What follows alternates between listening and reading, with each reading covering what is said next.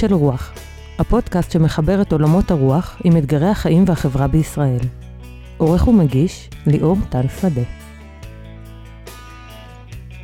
שלום לכם ולכן, אנחנו בפרק ה-56 של קולות של רוח, אה, ואנחנו בתוך סדרה על רוזה האדומה, רוזה לוקסמבורג. לא יודע כמה מכם הצליחו להחזיק מעמד בפרק הקודם, שבו אירחנו את פרופסור משה צוקרמן, שנתן לנו בראש אה, שהוא אה, לא רק מלמד את רוזה האדומה ואת המהפכנות שלה ואת המרקסיזם שלה, אלא אפשר להגיד מאמין בזה בכל ליבו. לטעמי זה מפגש חשוב ונהדר, וצריך להעלות אותו לשיחה.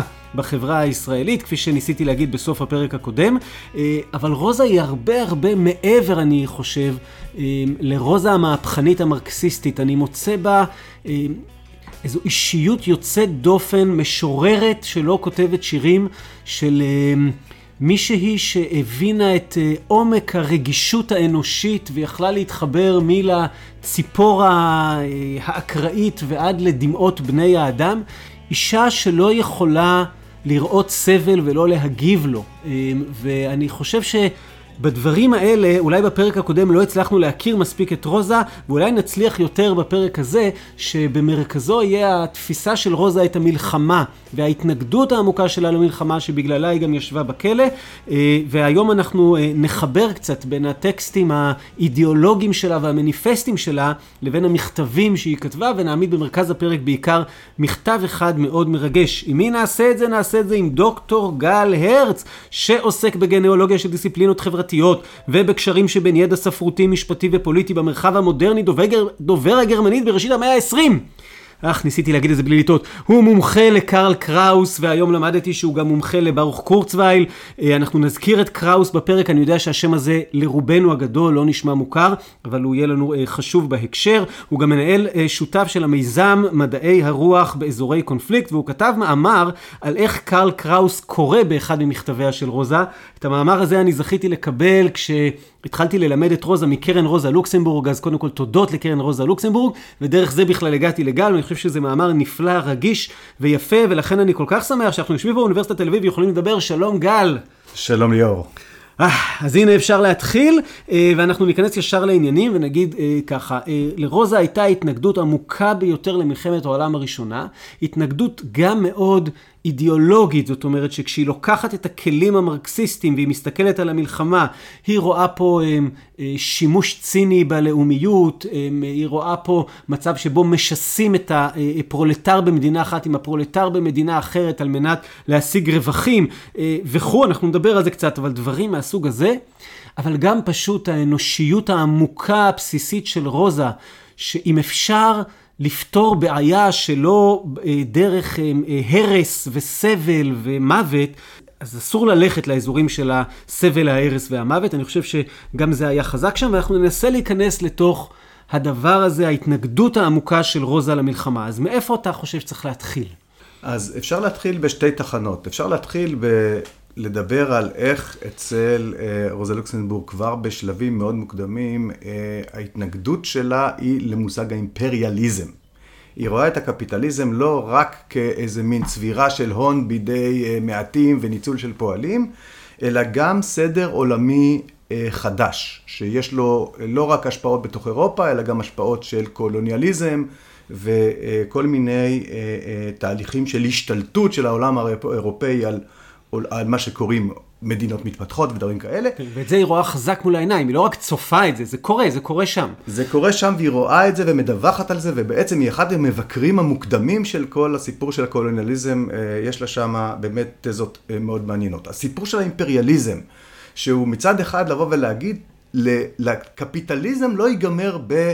אה, אה, אירופה או בעולם המערבי, הוא, דר, הוא נזקק לניצול המזרח כדי להגשים את אה, שאיפותיו המתרחבות והאינסופיות, ולכן הרעיון של מלחמה הוא הכרחי לקפיטליזם עצמו. היא כבר ב-1903 חושבת שזה, שזה יקרה, והיא רואה, יש גם הרבה מאוד מלחמות, יש את המשבר במרוקו, ויש משברים אחרים שקורים. אבל למה זה לא מלחמה של המערב נגד המזרח, זה המערב נלחם במערב. זה המערב נלחם במערב על ניצול המזרח, זה מלחמות בין אימפריות. והרעיון הזה, זאת אומרת, האימפריות שרוצות להתרחב נלחמות זו בזו. נכון, אבל, אבל, הם, אבל הם, ברור שהם וזה החידוש יחסית של מלחמת העולם הראשונה, וגם על זה היא כותבת, אנחנו נגיע תכף למניפסט יוניוס של אותו משבר הסוציאל דמוקרטיה, ששם היא ממש מנסחת את הביקורת הזאת בצורה הכי שיטתית, אבל מה שהיא אומרת, היא אומרת, תראו, הדברים שאתם רואים ששוחטים אנשים בקונגו, או שוחטים אותם בכל מיני מקומות אחרים, נמיביה וכולי, זה הכל רעל שבסופו של דבר ירעיל את אירופה עצמה, וזה מה שאנחנו נפגוש אחר כך ב-1914, כאשר כבר אנגלים ו... וגרמנים שוח... וצרפתים שוחטים אחד את השני. ומה שנקרא, היא עוד לא יודעת מה מחכה, כן? נכון, כי... והיא עוד לא יודעת מה מחכה, אבל היא כבר מגלה שיש בקפיטליזם איזה יסוד אלימות אינהרנטי. בתוך המכניזם הזה יש מנגנון הרסני. זה לא רק בונה, אלא זה גם הורס וזה גם רצחני. בעצם יש פה מלחמה בשירות האימפריאליזם עם התירוץ של הלאומיות ושל הבית בוער וכן הלאה. הלאומיות היא בוודאי תירוץ, אבל הסיפור הוא שיש איזה תיעוש של אירופה, והיא מומחית גדולה בתהליכי תיעוש. והיא אומרת, זה מוביל לאי שוויון אה, אה, גדול, זה מוביל לניצול, זה מוביל להמונים שהתקוממו נגד המנצלים שלהם.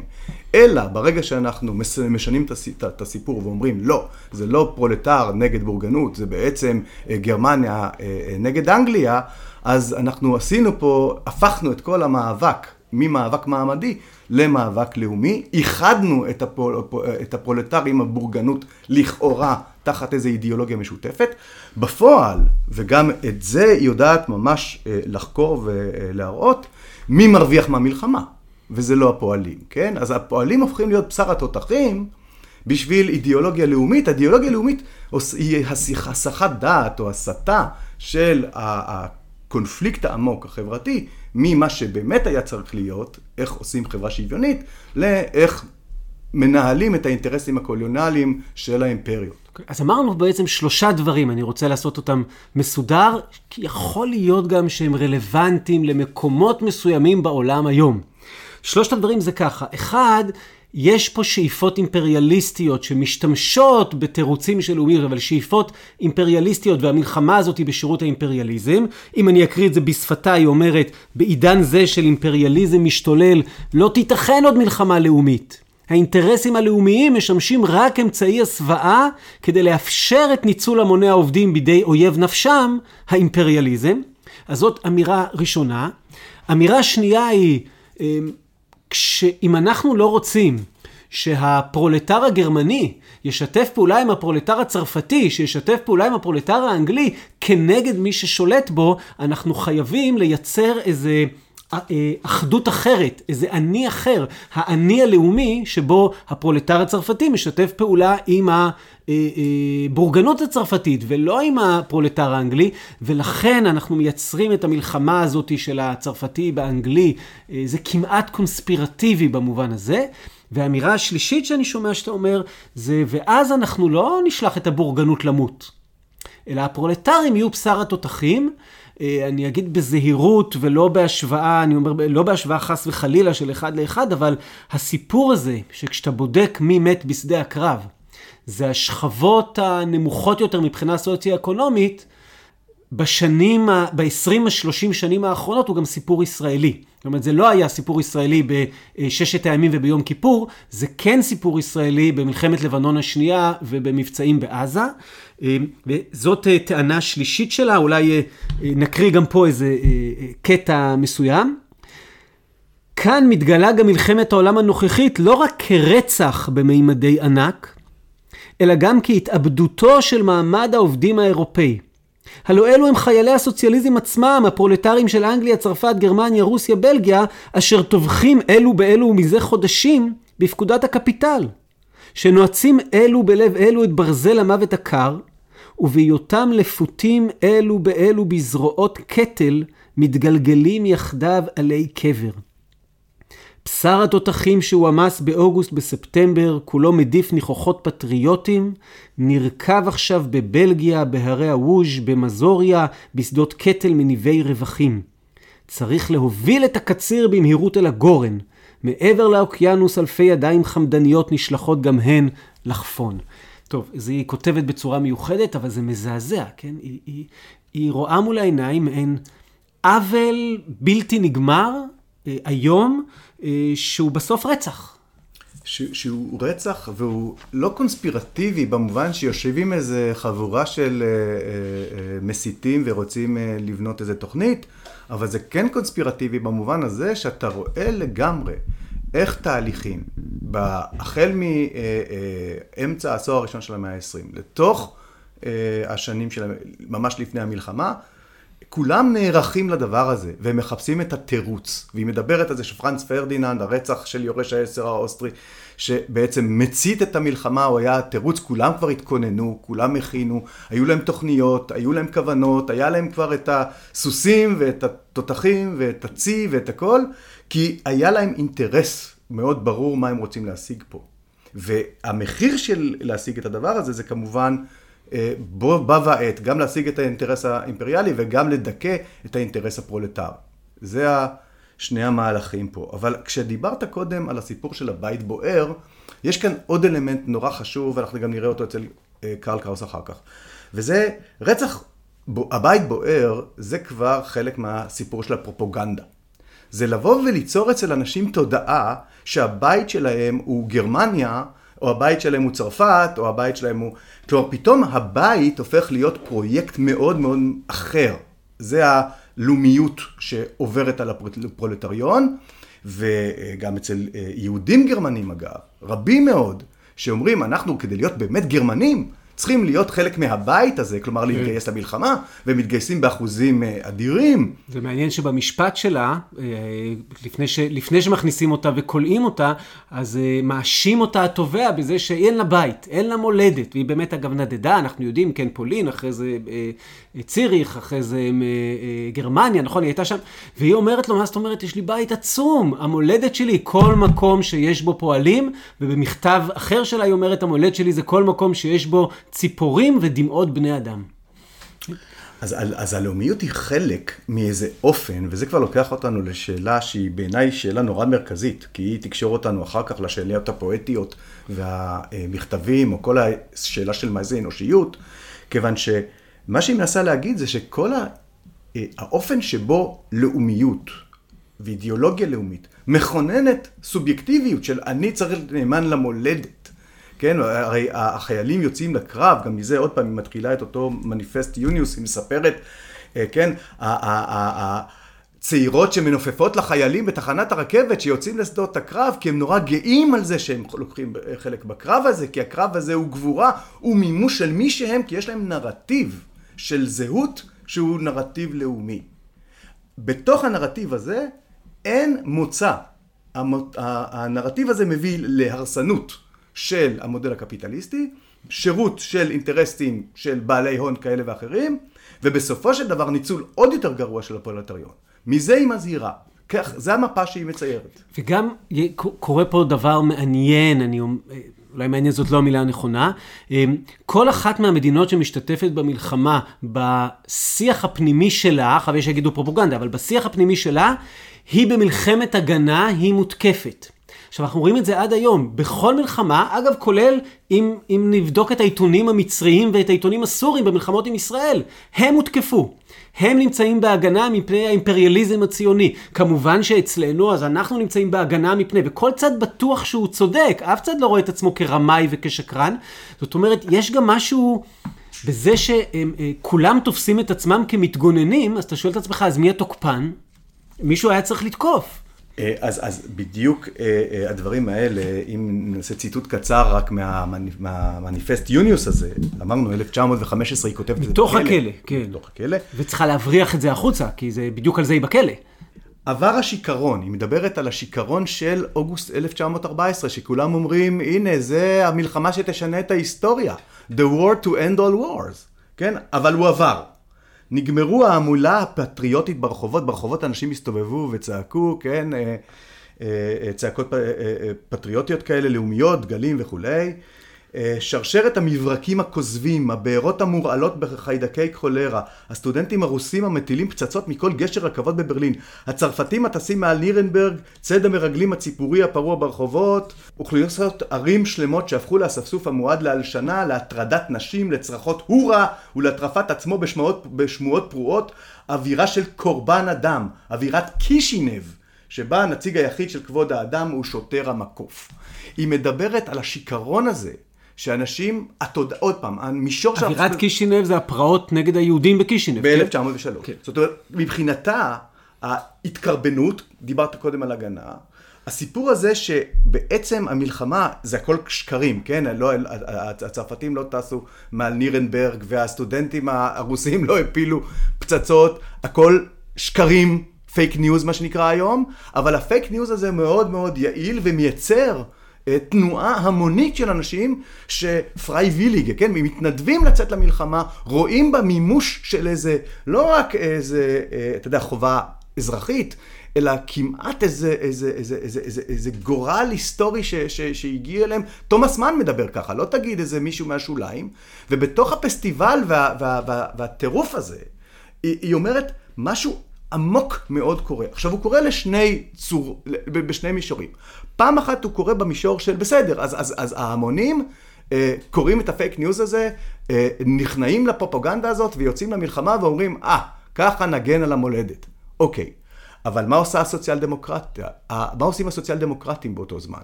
מה עושים המרקסיסטים באותו זמן? האם הם אה, אה, מתנגדים למלחמה, מסבירים את ה... את מהלך העניינים שמאחורי הפרופוגנדה הזאת, נותנים נתונים, מראים תקשיבו, זה אינטרסים כלכליים, זה לא יעזור לכם. כל מה שיקרה שם, גם אם גרמניה תנצח, אתם תישארו עניים ועוד יותר. זאת אומרת, מבחינת רוזה ברור לגמרי שהמפלגה שלה אמורה להיות המתנגדת הגדולה למלחמה, שבחיים לא תצביע בפרלמנט בעד אישור תקציב המלחמה ובעד יצ... אלא היא צריכה להיות המתנגדת הגדולה, ובאמת אנחנו רואים עד קצת לפני המלחמה. שהיא המתנגדת הגדולה, אבל אז מה קורה ברגע האמת? ברגע האמת, הם אומרים, יש את הציווי הלאומי, גם הסוציאליזם אה, מכיר בלאומיות ובזה שלכל לאום יש זכות להגן על עצמו, והם בעצם אה, מתקפלים. ההתקפלות הזאת של הסוציאל דמוקרטיה, מבחינתה של רוזה לוקסנבורג, זה האסון הכי גדול. כי את המלחמה, את זה עוד אפשר לתקן. אבל אם אין לנו אלטרנטיבה, אם אין לנו אופק פוליטי, אם אין לנו אורגן פוליטי שיודע להציב לזה אלטרנטיבה, אנחנו באמת אבודים. אז אין לנו גם איך לצאת מזה. וזה, אני חושב, המסר המאוד מאוד חזק של המניפסט הזה, להגיד, הבגידה של הסוציאל דמוקרטיה היא אה, אה, למעשה האסון שממנו צריך לצאת, וכלפיו וכנגדו היא מפנה את הביקורת שלה, היא קוראת לזה ביקורת, היא אומרת אין מרקסיזם בלי ביקורת, כי אם לא נבין מה קרה לנו, גם לא נוכל לבנות שום דבר ונמצא את עצמנו שוב ושוב באותו מצב. עכשיו, דבר מעניין שקצת ככה התחלנו לדבר עליו כשדיברנו שנינו אה, בלי מיקרופון, זה שאולי אפשר להגיד ככה, אם נמחק את המילה מרקסיזם ונמחק את המילה סוציאל דמוקרטיה, ואתה יודע מה, אני אלך עד הקצה, נמחק את המילה מעמדות. עדיין אנחנו, ההתנגדות של רוזה לוקסמבורג עומדת ממקום מאוד אה, אנושי עמוק, שבא לידי ביטוי חזק מאוד במכתבים, שהם כאילו מכתבים אישיים, לא, הם לא מכתבים, זה לא המניפסטים שהיא כותבת החוצה, אבל במכתבים שהיא כותבת מבית הסוהר לחברתה, אשתו השנייה של קארל ליבקנכט, אה, אה, סופיה, אה, סוניה. סוניה, אני חושב שסופיה השם המקורי שלה וסוניה זה שם החיבה, והיא קוראת לה סוניוצ'קה וכאלה. היא כותבת לה מכתבים מרטיטים, שהפרק הבא שלנו בפודקאסט יהיה סביב המכתבים האלה, אבל בלב המכתבים האלה יש איזשהו מכתב, שכשאני קראתי אותו פעם ראשונה, אה, התרגשתי עד דמעות, שבו היא מתארת את התאואים, התאו, שחיות האלה שמגיעות לחצר בית הכלא, ובמכתב הזה יש איזו התגלמות של ה... לא יודע, של האנושיות העמוקה מאוד של אה, רוזה לוקסמבורג, ש... אה, ואיך היא רואה כל יצור. יש איזה רגע שיא במכתב שם, שהיא מתארת את השתלבות הדמעות אה, שלה ושל התיאור, רגע שבו אנחנו מבינים שרוזה פה בעצם גם כותבת על עצמה. אז אני אגיד לך מה, אני ביקשתי מהשחקנית אה, דבורה אלחדד הרושס, שהיא, אה, מעבר להיותה שחקנית נהדרת, בעלת אה, קול נפלא, היא גם בעצמה, אני מרגיש בחוויית החיים שלה, במאבקים שלה, בפמיניזם שלה, יש בה משהו שיכול להבין את הכאב של רוזה. ואת עומק הכתיבה שלה. אז ביקשתי ממנה אם היא מוכנה לעשות איתנו חסד ולהקריא את המכתב הזה, להקליט אותו אה, בהקראתה. ולשמחתי הרבה אה, דבורה הסכימה, וההקלטה יצאה אה, נהדר.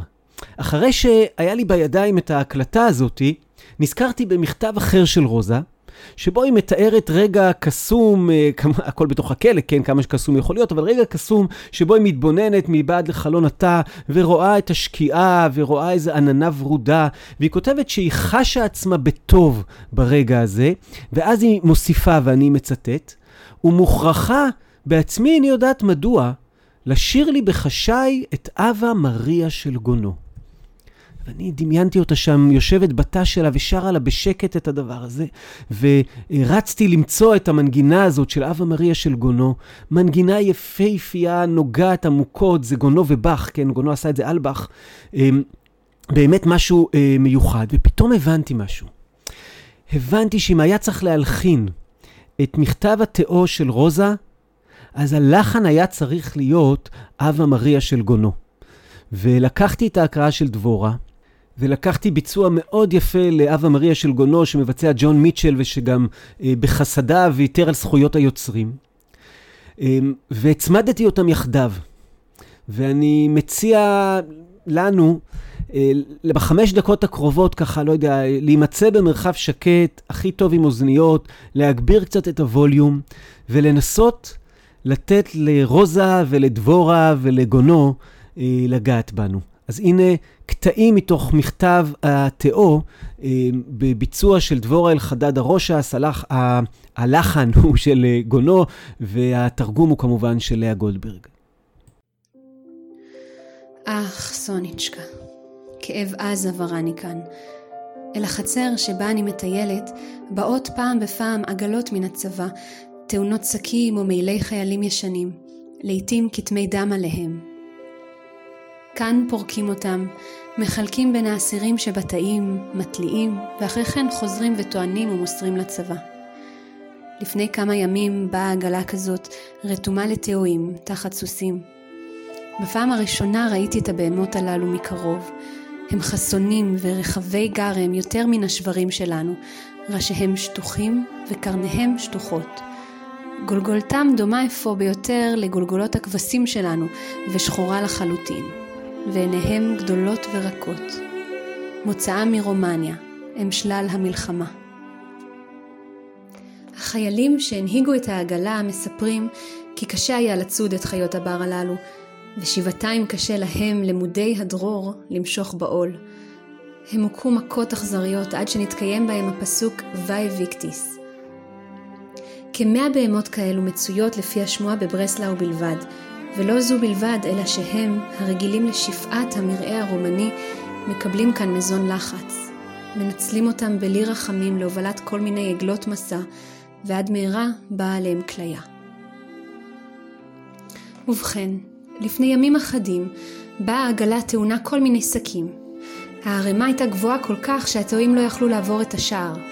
החייל המלווה, בחור גס, החל להכות את הבהמות בקצה המגלב שלו בכוח כזה, עד כי פנתה אליו המשגיחה ושאלה אם אין בליבו קצת רחמים על הבהמות הללו. גם עלינו בני אדם אין מרחם, השיב הלה בגיחוך מרושע, והיכה ביתר עוז. הבהמות משו סוף סוף ממקומן, משו את העגלה ועלו ההרה, אך אחת מהן הייתה שותתת דם. סוניצ'קה עוביו וחוסנו של אור התאו היה למשל בפי הבריות, והנה נקרא גם הוא.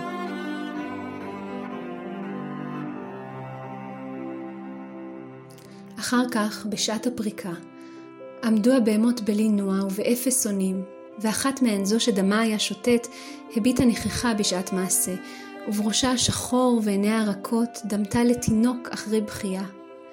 הייתה זו ממש ארשת פניו של ילד שנענש, ואינו יודע מה ולמה, ואינו יודע כיצד יימלט מייסורים ומעריצות. עמדתי לפני התאו והוא התבונן בי, עיניי זלגו דמעות, דמעותיו שלו היו הדמעות הללו.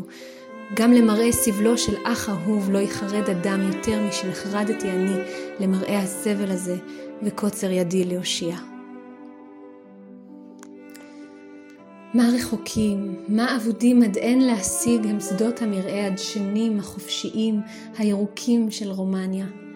מה אחרים היו שם זיו החמה ומשב הרוח, מה שונים היו צלילי הציפורים וקריאותיהם המלודיות של הרועים. וכאן, זו העיר הנוכרייה, האיומה, הרפת האטומה, התבן המעופש המעורר תיעוב, בלול בקש רקוב, האנשים הזרים, ועל כל אלה המכות, הדם עזב מן המכה הטריה.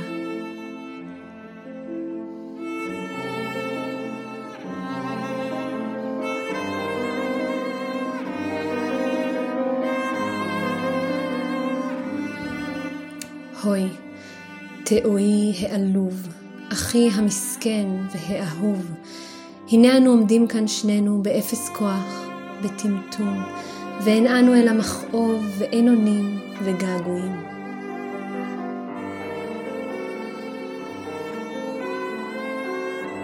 ובינתיים הצטופפו האסירים וסבו במעשיות יתרה על העגלה.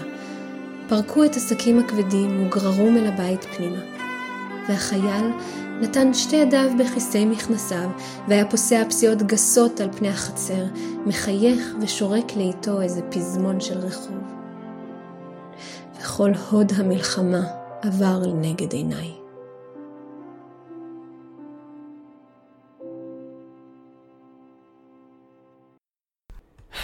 איך ממשיכים? טוב, לקחנו, ניקח קצת נשימה. אה, אני רוצה לשאול אותך, גל, רוזה בוחרת לתאר את הדברים דווקא דרך התיאור, זאת אומרת, אה, אנחנו בשלהי מלחמת העולם הראשונה, אנשים מתים בכל פינה. היא יכולה לתאר לנו תיאורים קורעי לב של פצועים ושל גוויות, והיא הולכת דווקא לאותה בהמת מסע. למה אתה, למה דרך התיאור? מה אתה, מה אתה אומר? איך אתה קורא את זה? קודם כל, נזכור שהיא כותבת מהכלא. את כל הדבר הזה היא רואה דרך חלון התא שלה. היא מתבוננת כאסירה, ולמצב האסירות שלה אנחנו תכף נחזור, כי הוא גם קשור לאיך היא מתבוננת ומה האופן שבו היא רוצה להסביר לנו עוד פעם מה האלטרנטיבה, מה הצד השני. כי הצד האחד הבנו, זה אה, ניצול וזה קפיטליזם וזה אימפריאליזם וזה אלימות. את זה הבנו. אבל מה הצד השני שלו? או איך בכלל מבינים את מצבי האלימות? וכבר רמזנו לזה קודם, שדיברנו על, על, על הפרופוגנדה וכולי, ועל שאלות של תודעה. זאת אומרת שמשהו קורה למושג האנושיות, שאיננו מובן מאליו, ופשוט אה, אה, נגיד המלחמה זה פויה, ואנשים, אה נכון, באמת לא כדאי להילחם. לא, זה לא עובד ככה. יש משהו שבאנושות, איך אה, אה, אה, עם מילן קונדרה, הקלות הבלתי נסבלת של ההשחתה, נגיד ככה, בפרפרזה, כן? מאוד בקלות אנושי יכול להיות לא אנושי. מאוד בקלות כל מושג יכול גם להגיד ההפך, כמו שכל הפרופוגנדה הזאת, מלחמה על הבית, כן? בית זה מילה נורא יפה, אבל מלחמה על הבית זה כבר משהו אחר. אז מבחינתה, קודם כל, העניין הוא להסתכל על.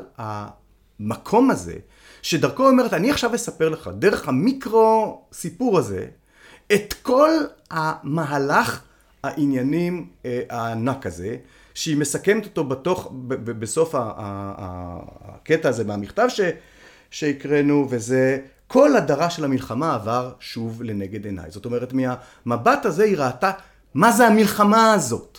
זאת אומרת, יש פה כמעט כמו בשפה מיתית, כמו שאנחנו רואים בתחילת ספר בראשית כזה, ניסיון להחזיק, ניסיון אולי אפילו לא מודע, אבל, אבל יש פה טקסט שבעמוד וחצי בעצם מחזיק את הכל. מחזיק את ועכשיו, ה... ועכשיו אנחנו יכולים להגיד את הבאמת, עכשיו אנחנו מגיעים למקומות הבאמת מיוחדים של רוזה, ואני מסכים איתך, אפשר להגיד את זה גם בלי מרקסיזם ובלי סוציאל דמוקרטיה.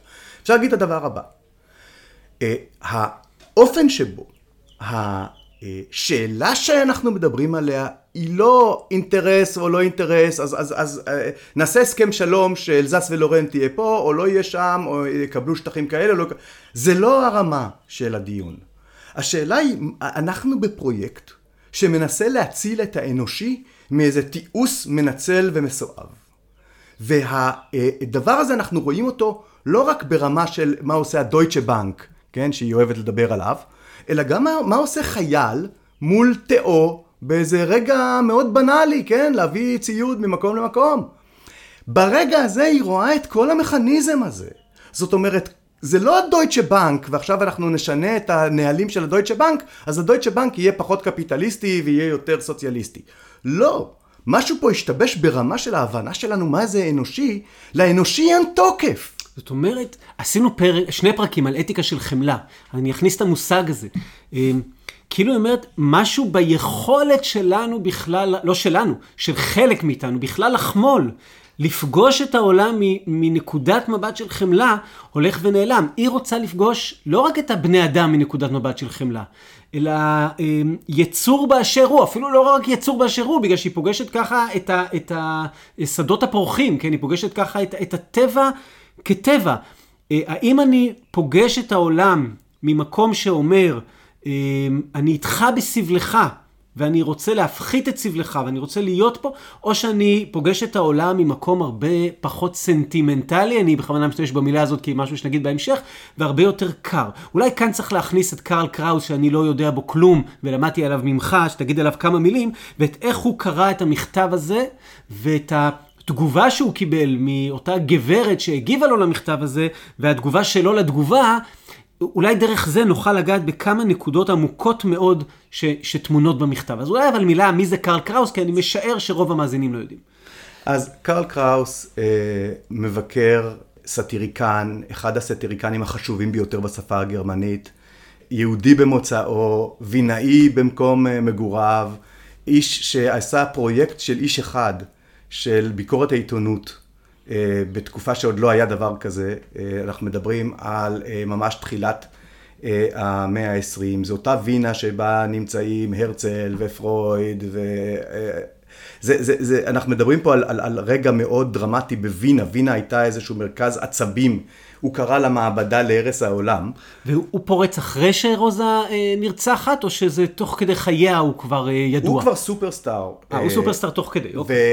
והוא בעיקר ידוע בגלל שבזמן מלחמת העולם הראשונה, הוא אחד היחידים שעדיין יכול לפרסם תחת מגבלות הצנזורה, הוא עושה הרבה מאוד עבודות סאטיריות בתוך התקופה הזאת, את כולם הוא בסוף, או רבים מה, מהמאמרים שלו בסוף, הופך למחזה משוגע שנקרא ימיה האחרונים של האנושות, Die letzten Tage der Menschheit, שבו הוא בעצם עושה מחזה שהוא מחזה אנטי תיאטרלי, שבו הוא רוצה לפרק את הפרופוגנדה הזאת ואת התודעות הכוזבות ואת הפייק ניוז וכולי, ודרכם לשאול רגע מה היה פה. והפרויקט שלו כשהוא פוגש את רוזה, כשקרל פגש את רוזה אם אתה רוצה, זה כשב-1920 הוא מוצא בארבייטר צייטונג, עיתון הפועלים של וינה, הוא רואה את המכתב הזה ואז הוא מחליט שתי החלטות. אחד, הוא כולל אותו בהקראות הציבוריות שלו. מה שעושה קראוס אחרי מלחמת העולם הראשונה, זה עושה הקראות פומביות. הוא חושב שהציבור האוסטרי נמצא בפוסט טראומה, הוא חושב שאם לא נטפל בפוסט טראומה הזה באמצעים פואטיים, אז אנחנו נקבל עוד מלחמה. ולכן הוא עושה ממש קמפיין שלם, כן. שבו הוא עובר מעיר לעיר ופשוט מקריא להם טקסטים, כדי לנסות לתת, לנסות לתת להם איזו אפשרות להתמודד עם רוחות הרפאים האלה, בלי לחיות כמו איזה דמות המלטית כזאת, שצריכה לנקום איזה אב אה, אה, רוח כן. רפאים כזאת, ונשלטים באיזה אה, כעס, ייאוש או, או, או נקם. והוא גם מדפיס את המכתב, נכון? אז בעקבות, מה שהוא עושה, הוא, הוא, הוא מקריא ואז מדפיס. זה השיטה שלו. ואז הוא, הוא, הוא, הוא, הוא מדפיס לא רק את המכתב, הוא מדפיס גם את התגובה של הקהל למכתב, כשהוא קרא אותו, וגם הוא אה, נותן לזה הקדמה שלו, שאני אקריא אותה בקצרה, כי היא נורא חשובה, אה, כי היא נותנת לנו מושג איך פועל המכתב הזה על קהל וינאי או אה, אוסטרו-הונגרי, כבר לא אוסטרו-הונגרי, קהל אירופאי בשנים האלה, והוא כותב ככה: בשום אולם לא התעורר אי פעם רושם עז אצל המאזינים כבעת הקראת מכתבה של רוזה לוקסנבורג. בושה וכלימה לרפובליקה שאיננה כוללת את התעודה הייחודית הזאת, מופת של אנושיות ושל שירה שאין לו אח ורע בעולם הדובר גרמנית, ולא כוללת אותה במקראות הלימוד שלה, בין גתה לקלאודיוס. כל הספרות החיה של גרמניה אינה חונקת את הגרון, כמו זו של המהפכנית היהודייה הזו, ואינה מחסירה פעימה, כמו אחרי תיאורו של אור התאו, שהיה קרוע ומשוסע. הוא אומר, תקשיבו, יש כאן פסגת הספרות. עכשיו צריך להבין מה זה פסגת הספרות, כי אם נחשוב שפסגת הספרות זה אוקיי, אז עכשיו אה, נעזוב את המלחמה ונקרא ספרות, לא זאת הכוונה. הכוונה שלו שספרות, כמו אני חושב שאנחנו מדברים סביב אה, רוזה לוקסנבורג, קשור מהותית לעצם השאלה מה קרה במלחמה. ואם המלחמה היא שאלה, אם המלחמה מבחינת ה, ה, מי שניהל אותה, היא הייתה טריטוריאלית או הייתה אינטרסנטית, מה שהמלחמה הזאת בעצם מאיימת עליו זה שאלת האנושיות, מה שהספרות עושה זה מחזירה את האנושיות הזאת חזרה, ועכשיו אנחנו נשאל מה זה, מה זה אנושיות, מה זה סולידריות, מה זה חומלה, אבל נקודת הפתיחה הזאת יכולה להתרחש רק בתוך ספרות. זאת אומרת, ספרות היא סוג של מבע שמסוגל איכשהו להתייצב נגד כל המנגנונים הפרופוגנדיים האלה.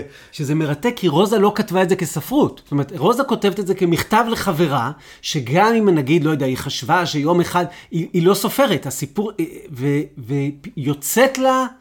יצירה ספרותית, אגב, בכמה וכמה מכתבים, אבל המכתב הזה במיוחד, יצירה ספרותית משמעותית, שאיש שמבין אה, דבר או שניים בספרות בלשון המעטה, רואה את זה כאחת הפסגות האלה, ואז יש איזו גברת נחמדה שכותבת לו מכתב תגובה, אולי, אולי תספר את זה רגע. כן, אז אמרנו שקראוס מדפיס את המכתב שלה בדיפקל שלו, אותו עיתון שהוא עורך, וכותבת לו, אה, קוראת אה, מאינסברוק. איך קוראים לה זה? אידה פון ליל רסטרן פון לילנבלך. יש סיבה, יש סיבה שלא ידעתי להגיד את השם, אוקיי. אבל הפון זה מה שחשוב לנו. פון, בדיוק. שזה אומר מאיפה היא מדברת, והאישה הזאת כותבת לו אה, אה, מכתב שבעצם אה, אומרת לו, תקשיב. מה זה ההרהורים הסנטימנטליים האלה? יש כאן איזושהי אישה שנורא אוהבת טבע, אז אולי שהיא תעבוד בגן חיות ולא תהיה מהפכנית, כי אם היא תהיה מהפכנית, זה ייגמר לא טוב. ואולי במקום ההיסטריה המטורפת שלה, היה עדיף לה אה, באמת אה, לגדל תאואים בבית ולדאוג להם אם היא רוצה. אני שומע אותה אומרת לו בשפה ישראלית, מה זה היפת נפש הזאתי, שאם אה, אה, תיתן ליפי נפש לטפל בבעיות החיים האמיתיות ובעיקר בנושאי מלחמות ואלימות זה ייגמר רע מאוד. אנחנו, בוא, שהיא תהיה בטריטוריה שלה, היא ממש גם משרטטת לה איזה טריטוריה נשית כזאת במרכאות במונחים דאז, וזה מעניין שאישה כותבת את המכתב הזה. אה, היא אומרת לו, תעשה לי טובה, כן? מה זה ההתייפייפות הזאת? היא אומרת לו, תשמע, יש כאן בסך הכל אה, מכתב מאוד יפה. זה מתאים לכל מיני חובבי אומנות כאלה, אה, נשים אה, צעירות, נערים רכים, אבל עזוב אותך, אנחנו יודעים שהתיאוריה הזה זה הבהמת מסע, זה המטרה שלה, זה מה שהיא עושה. אה, אנחנו יודעים שכשהתיאור הזה לא סוחב צריך לתת לו איזה אה, פליק טוב. וגם אה, לילדים שלא מתנהגים יפה ניתן פליק טוב. וגם אם מישהי מגזימה בביקורת הפוליטית שלה ובבוגדנות הלאומית שלה אז שלא תתפלא על זה שהיא גומרת עם כתות רובים זה הסדר שאנחנו חיים בו. יש בו סדר. לא תתפלא שהיא גומרת עם רקטות רובים, נגיד רק למי שלא יודע, האופן שבו רצחו את רוזה לוקסמבורג היה עם אה, כת של רובה, לפני שהשליכו אותה לנהר. אז היא אומרת אה, אה, ככה, היא הייתה, לו רק יכלה, הייתה לוקסמבורג בוודאי שמחה להטיף לתאואים למהפכה ולהקים להם רפובליקה של תאואים, אלא שספק גדול אם הייתה מצליחה ליצור להם את גן העדן של חלומותיה, עם ציטוט, ציוציהם היפים של הציפורים וקריאותיהם המתנגדים של, המתנגנות של הרועים. סוף ציטוט. ספק גם אם התיאורים מייחסים משקל רב כל כך לדברים כאלה, שהרי יש נשים היסטריות רבות שאוהבות להתערב בכל ורוצות תמיד לסכסך בין כולם.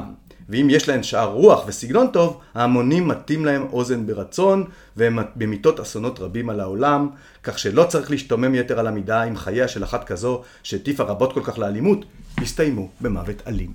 עכשיו תראה, טוקבקיסטים יש תמיד, ואולי אז היה פחות מקובל, אבל קאר קראוס יכול היה פשוט לקבל את המכתב הזה, לזרוק אותו לפח ולהמשיך הלאה, אבל הוא חשב שהמכתב, דווקא מכתב תגובה ה...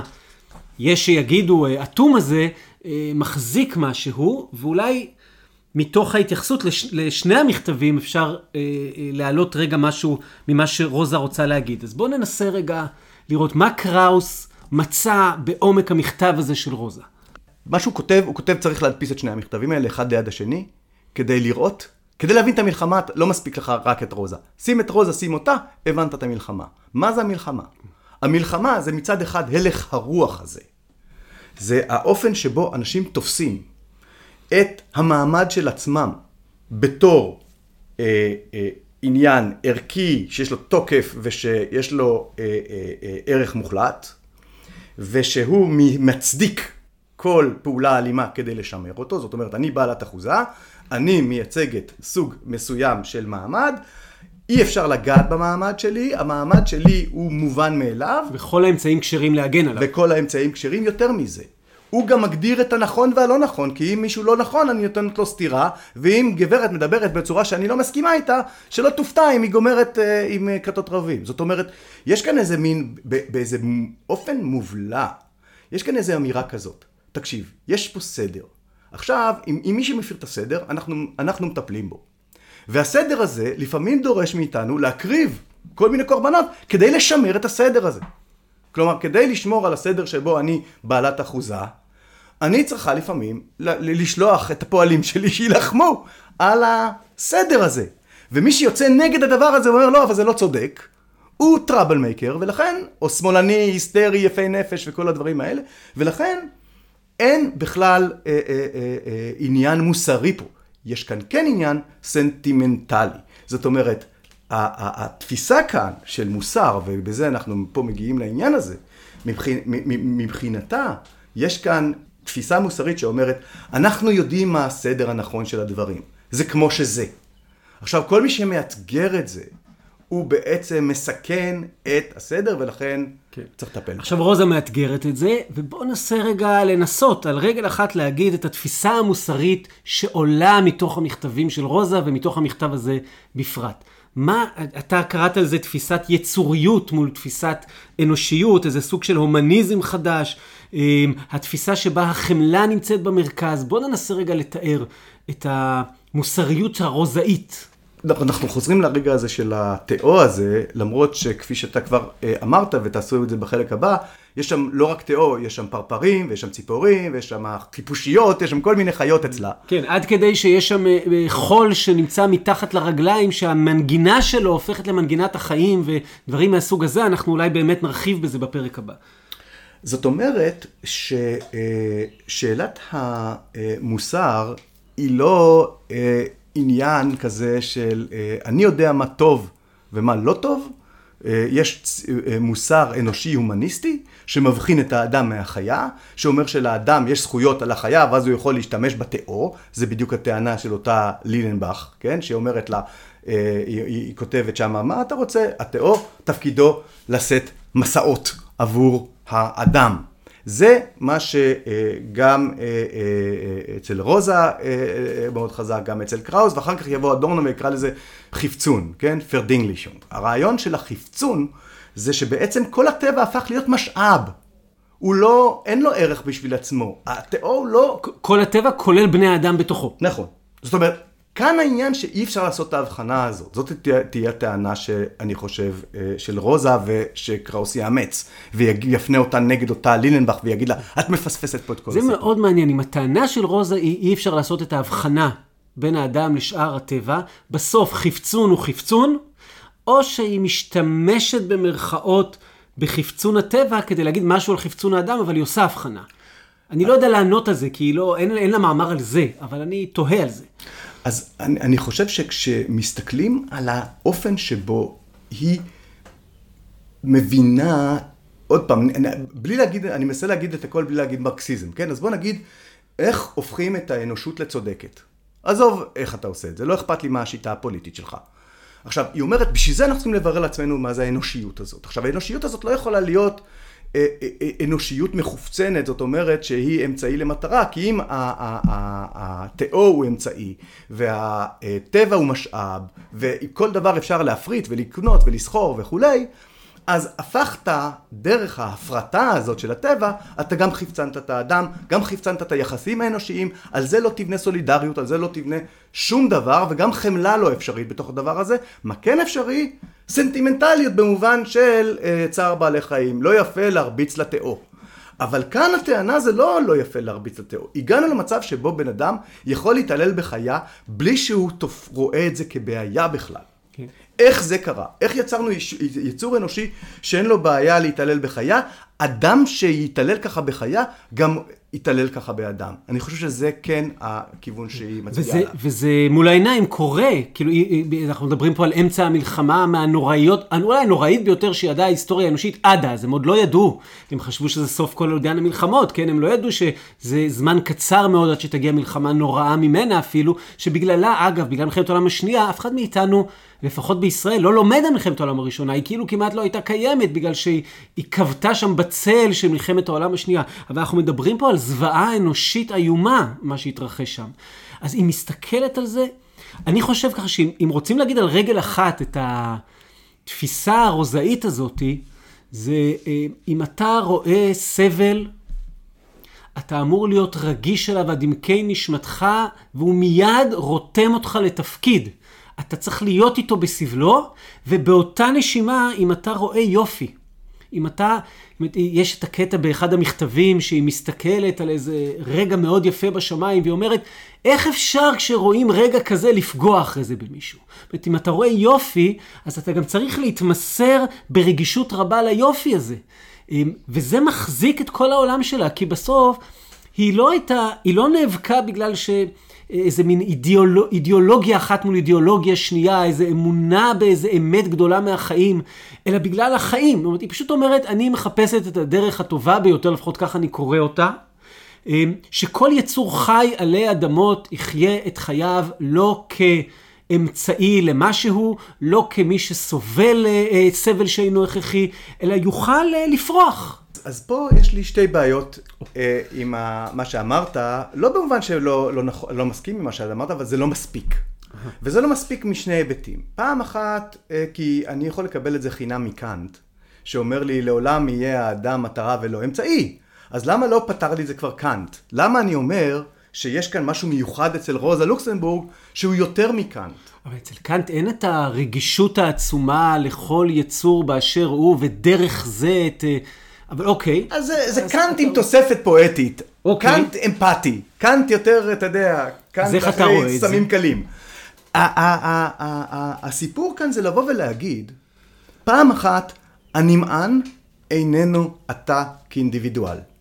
זה לא בסוף נגמר בך, אה, אני האדם המרגיש. לא. אתה חלק מטבע, ואתה חלק מקולקטיב, והסולידריות היא ברגע שאתה יוצא מאיזה מקום שאתה חושב שאתה סובייקט. זאת אומרת, אתה צריך להתגבר על זה, על הסנטימנטליות הזו בדיוק, ולהגיד, אני, אם אני אהיה אמפתי, עשיתי עבודה. לא. זה אה, אה, לא המטרה כאן, כיוון שכאן אתה עדיין כבול בתוך הסיפור הבורגני. כי אתה עדיין לא הפכת, לא שינית את התודעה שלך ממה שהיא אה, אה, אה, רואה אותו כחלק מאותו סדר בורגני, לתוך איזו תודעה, תודעה משוחררת, שהיא תמיד סולידרית. ופעם שנייה, קפיטליזם זה לא איזה מין שיטה כלכלית, היא מצב קיומי. היא מבנה את האופן שבו אנחנו מסתכלים על הטבע. אני מסתכלת עכשיו מחלון בית הסוהר, האופן שאני רואה את הכאת התאו הוא, הוא, הוא אחר מאשר אם הייתי, הייתי בתודעה הקודמת שלי, הבורגנית שלי. כלומר, אני לומדת לראות משהו שלא הייתי רואה קודם. אנחנו קוראים לזה אה, ההפיכת הטריוויאלי לבעייתי. לעשות משהו שלא נראה לך בעייתי, להפוך אותו פתאום לבעיה, כי אתה לא רואה אותו, כי האידיאולוגיה אה, לא נותנת לך לראות. כי אתה, אנחנו את העוולות הכי גדולות בדרך כלל לא רואים. הן מסתתרות, הן מוסתרות, הן לא מדוברות, הן מקודדות לתוך ה-DNA שלנו ככה שאנחנו בכלל לא שמים לב אליהן, ופתאום בא מישהו ואומר, רגע, אבל, אבל כל הזמן המשטרה יורה דווקא בשחורים. למה היא לא יורה בכמות שווה של לבנים ושחורים? יש כאן משהו. כלומר, אנחנו צריכים שיקרה משהו, שיעלה לנו משהו שהיה עד עכשיו, משטרה זה טוב, נכון? הם שומרים על הסדר? לא, המשטרה גם עושה מה שנקרא racial profiling, אפיון גזעי, אז יש כאן בעיה. הניסיון היצורי הזה הוא האופן שבו אתה שם בסימן שאלה את הקטגוריות שלך, כי הקטגוריות שלך נורא בקלות עוברות סיאוב, הופכות להיות בעצמם מה שמסתיר לך לראות. ולכן הקריאה הפוליטית שלה, ושוב, לא נקרא לזה מרקסיזם, היא להגיד, הדבר הראשון שאנחנו צריכים להבין, אנחנו לא יכולים להסתפק באמפתיה. זה לא אמפתיה עם הסובל. שינוי נקודת המבט השורשית שלנו. נכון. כלומר, וזה לוקח אותנו להמון מעגלים. זה לוקח אותנו למעגלים של מה זה להיות לוחם חופש, אבל זה גם למשל מה זה להיות מישהו שנאבק על, על, על האקלים. כי זה דבר אחד לבוא ולהגיד מה זה להיאבק אה, אה, על, נגד משבר האקלים, זה שאני אבוא ואספר לך כמה מפעל כזה או אחר מזהם את הסביבה. רוזה תגיד לך זה לא מספיק טוב. למה? כי זיהום האקלים הוא תוצאה של המצב שבו אנחנו תופסים את עצמנו כצרכנים, אנחנו חלק מאיזושהי אנושות שמנצלת את המשאבי הטבע. זאת אומרת, זה חוזר לרפורמה מול מהפכה, אבל אף פעם לא במובן הפוליטי, הטקטי. אלא במובן של מהפכה פנימית. זאת אומרת, אני לא יכול לעשות רפורמה בנפש שלי קטנה כזאת, להגיד, אה, שים לב גם לפה כל מיני שיפוצים קטנים.